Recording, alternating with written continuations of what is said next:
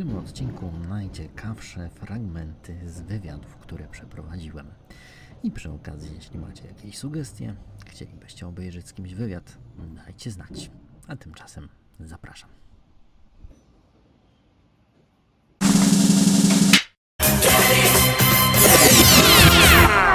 w Polsce jest też zjawisko, które nazwałbym seksofobią. To znaczy, w ogóle mamy taki, takie podejście, że seks jako taki jest czymś, może nie, jeśli nie zupełnie złym, to jednak kontrowersyjnym, a nie jest czymś zdrowym y, i fajnym i przyjemnym.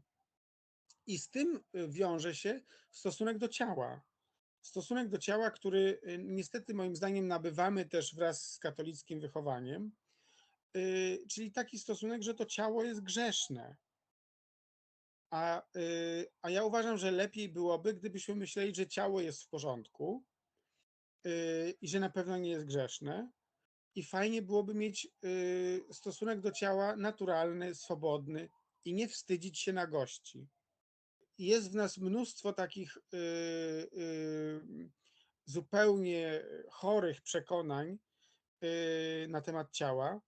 I wydaje mi się, że y, mm, no jak- na przykład się pojedzie do Niemiec, tam jest zupełnie inny stosunek do nagości y, i dużo zdrowszy.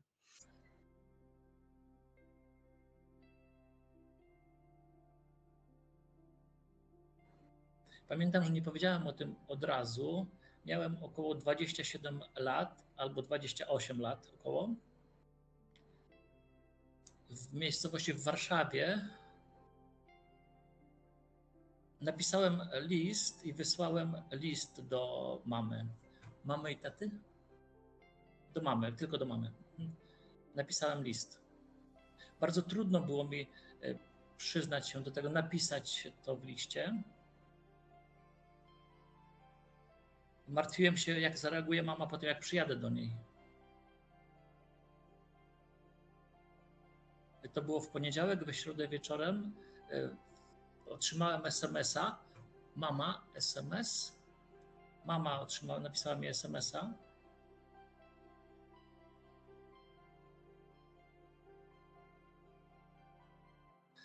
E, Napisała mama, że ważne, jak ty się czujesz, nie martw się. Jeżeli pojawia się kryzys, to znaczy, że coś nie zostało usłyszane, że coś nie zostało zaadresowane, że coś nie zostało mm, y, mniej ognistej formie uchwycone wtedy, kiedy się zaczynało wydarzać. Tak? Aha. To jest okej, to jest okej. To nie jest tak, że o, byliście nieuważni i dlatego teraz macie burdę tak, na półkach. Nie, to jest tak, no, czasami potrzebujemy tego kryzysu, żeby właśnie zacząć uwzględniać jakieś informacje, które do tej pory były trudne, chociażby do nazwania, tak? bo czasami nie Mhm. wiemy o co chodzi do tym kryzysem. Tak? Kryzys to jest błogosławieństwo dla związku, Aha. dlatego że dzięki temu tak naprawdę mamy dostęp do kolejnych warstw informacji na temat siebie i na temat tego, o co chodzi w tym związku. Bycie w zagubieniu też jest miejscem, po prostu jest jakimś miejscem w którym potrzeba, w którym trzeba się zanurzyć, żeby zaadaptować się do nowego obrazu rzeczywistości, tak? I my mamy ten przymus bycia e, w o- okej, bycia w e, poukładaniu rzeczywistości, to- nam daje poczucie bezpieczeństwa, że wszystko jest takie e, nazwane, ułożone, dziękuję bardzo, mogę jechać dalej, tak? A to nie do końca tak. Czyli obie rodziny o was wiedzą wszystko. Tak, tak, tak, tak, tak. Mhm. Nie ma wykluczenia, Mhm. przynajmniej mi na ten temat wiadomo, że u nas nie ma wykluczenia w, w rodzinie. Eee, więc tak, mieliśmy cudowną ceremonię, cudowną uroczystość, cudowną imprezę. Eee, najbardziej mi zapadło w głowie, e, zapadło w głowie pytanie naszej pani urzędniczki, która mm, e, prowadziła całą ceremonię, że e, przed, w ogóle przed ślubem zapytała się nas, czy, te, czy my na pewno chcemy wrócić do Polski, bo ona przez całą noc czytała, co się dzieje w Polsce, jakie są prawa osób LGBT i, i ona jest przerażona i jeżeli chcemy, to ona nam pomoże po prostu przeprowadzić się do Niemiec. Dosłownie 5 minut przed udzieleniem nam ślubu nas zapytała, czy, czy, czy chcemy. Więc to było tak po prostu Mocne. Tak, tak. że urzędniczka pyta cię, czy, czy, czy chcesz pomóc, żeby uciec z kraju.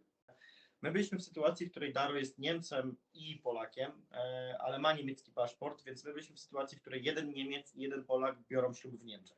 Mhm. Ponieważ e, e, typowe prawo każdego kraju stanowi, że na terenie tego kraju jesteś obywatelem tego kraju, którego obywatelstwo posiadasz. Czyli kiedy jest w Polsce, jest Polakiem, bo jest wyższość obywatelstwa danego kraju, ale kiedy jest w Niemczech, jest Niemcem. Jest traktowany jak Niemiec, ma niemiecki paszport i jest faktycznie Mhm. traktowany jak Niemiec. Druga ważna sprawa to faktycznie ta urzędniczka na początku myślała, że my jakąś tutaj bekę odstawiamy, ponieważ od momentu, kiedy w Niemczech można było wziąć ślub, w tej miejscowości, w której my chcieliśmy wziąć ślub, żadna para homoseksualna się na ślub nie zdecydowała dotychczas.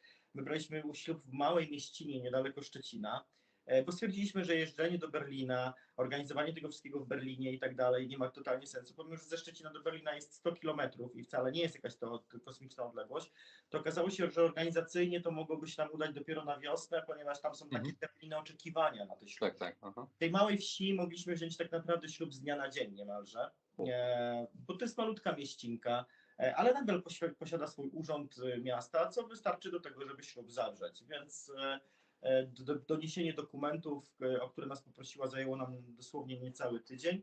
I właśnie, kiedy przyszliśmy pierwszy raz i kiedy ona nam dawała listę dokumentów, które musimy przynieść, to ona ewidentnie nam później się przyznała, że ona myślała, że to jest taka po prostu, wiesz, beka Polaków, którzy chcą wziąć ślub tylko dlatego, że jeden ma dodatkowo niemiecki paszport.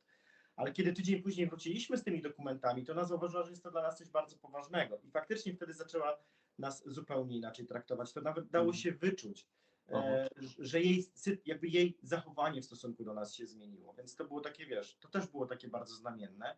No i tak jak Daro mówi, to, to też mi akurat zapadło najbardziej w pamięć. My to zresztą we wszystkich wywiadach, których e, udzielaliśmy na ten temat i teraz też u Ciebie, we wszystkich podkreśliliśmy to samo. Najbardziej wzruszający moment całej ceremonii, to się okazało, nie był moment naszej ceremonii, tylko tego, że urzędnik obcego państwa, dla mnie totalnie obcego, jestem Polakiem, tak, z polskim paszportem. Pani e, prawie 70 na karku.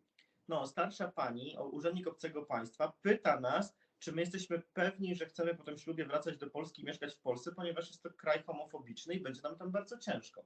Później w roku 2017 e, od czasu dostania pozytywnego wyniku zmieniło się to, że przez to, w jaki przez pryzmat, jaki zostawiłem oceniony jako osoba pozytywna czy zarażona już HIV i przez brak swojej, e, swoich informacji wtedy na, w tym temacie stwierdziłem, że muszę się wyedukować i przez to mogę coś wyciągnąć pozytywne wnioski z tego i po prostu mogę się dzielić tą wiedzą z innymi, tak, żeby pomóc innym, tak.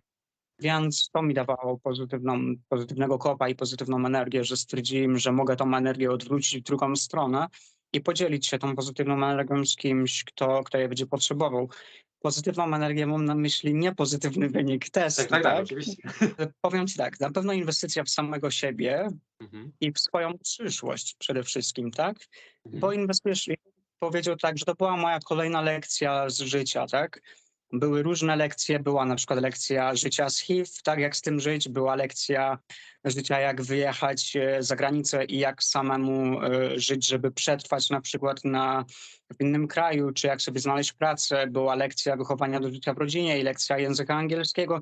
No i tutaj była też lekcja na to, jak żyć szczęśliwie, jak, jak, jak sobie poradzić w życiu, czy, czy jak dalej iść, co dalej iść, co dalej robić, żeby po prostu być szczęśliwym i, i, i być dumny z siebie i z tego, z kim się jest, tak? Mhm. Więc inwestycja przede wszystkim w samego siebie i w swoją przyszłość jest na pewno bardzo dobrym określeniem tego, z, z czym mi się kojarzy psychoterapia, tak? I zawsze miałem od samego początku, miałem takie podglądy na swoją psychoterapię i podejście do tego, że idę po to tam, żeby zainwestować w siebie i w swoją przyszłość, tak? Żeby coś zmienić, tak? I przede wszystkim robisz to z pierwszego punktu dla siebie, tak? W, pierw, w pierwszym tego słowa znaczeniu. Dla siebie coś robisz, próbujesz dla siebie coś zmienić, a później, jeśli już jesteś w stanie, możesz się podzielić i czy jeśli potrzebujesz, czy czujesz taką potrzebę, możesz podzielić się tym z innymi, tak? orientowałem się na przykład, dlaczego ja y, tak, tak uważnie wpatruję się w chłopaków. Czy dlatego, bo najpierw mi się wydawało, że dlatego, że ja chcę być taki jak oni. To jest słynna faza homofilna. Mhm. Tak, tak, Wszyscy tak, tak. nastolatkowie to przechodzą. Tak, okres dojrzewania, dokładnie. No ale potem już się okres dojrzewania skończył, a ja to dalej mam. I wtedy czytam w tych książkach, mówię, okej, to już nie jest faza homofilna, to zdaje się, że to jest jakaś moja cecha. Więc dowiadywałem się coraz więcej. Ja powiedziałbym, opakowywałem zmiany, które się we mnie dokonywały, w wiedzę.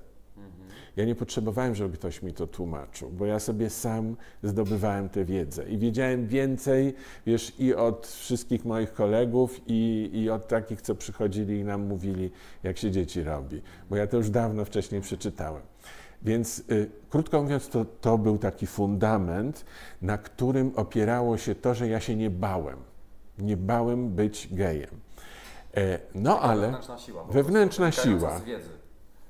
Tak, i to zresztą polecam, bo wiedza daje siłę, daje odporność, daje argumenty.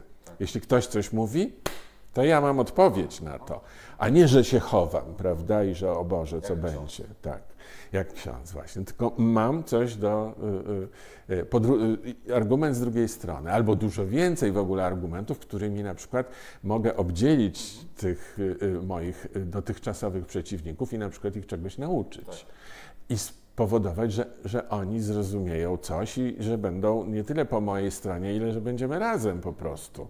Bo tylko o to mi chodzi. Nie chodzi mi o to, żeby przeciągać na tę czy na inną stronę. Po prostu chodzi o to, żebyśmy się dobrze ze sobą czuli i nie próbowali sobie wmówić, że ty żyjesz y, źle, a ja żyję dobrze, prawda? Bo ja zgodnie z takimi zasadami, a ty niezgodnie z tymi zasadami. To nie jest tak. normalnie chodziłem do kościoła i tak dalej, ale jak to już wyszło wszystko na jaw, to, to po prostu odciąłem się od kościoła, bo wtedy dopiero zobaczyłem, jaki kościół jest naprawdę w środku. Ludzie go tworzący. Mhm. Nie tyle y, y, ludzie świeccy, jak właśnie siostry zakonne, księża, biskupi. Te osoby mnie y, jakby odepchnęły z kościoła same. No, bo ludzie nie. Powiem ci szczerze, że tak, oczywiście były osoby, które e, mówiły, że sobie wymyślam, że po co ja tak e, aferę o tym zrobiłem, i, ale raczej nie było takich sytuacji, że ludzie mnie zaczęli tam piętnować czy, czy jakoś wyszydzać z tego powodu. Mhm. Bardziej, bardziej miałem takie sytuacje, że ludzie przychodzili czasami nieznajomi dla mnie ludzie na ulicy mi gratulowali odwagi, mówili bardzo dobrze, o tym trzeba mówić, więc ode... więcej było sytuacji, gdzie ludzie dobrze to odebrali i stanęli z, po mojej stronie. No, Czyli świeccy dawali ci wsparcie, a duchowieństwo się odcięło. tak, a, a, a kapłani totalnie. Ja, prosi, ja dzwoniłem po, po księżach i po siostrach, które były tu w tym czasie, jak był ksiądz y, Kozak i, i prosiłem o to, żeby, y, żeby oni mogli zeznać jako świadkowie w sądzie. Absolutnie. Oni się nie chcą w to mieszać, oni nie, oni nie będą y, oni nie będą brać w tym udziału. Można by Nie. zadać pytanie, gdzie jest to życie w prawdzie w takim razie, nie? skoro mamy żyć w prawdzie. Trzech księży, jedną siostrę prosiłem. No i, i dwóch biskupów skłamało. Zasubskrybuj ten kanał i zostań moim patronem. Szczegóły znajdziesz w opisie.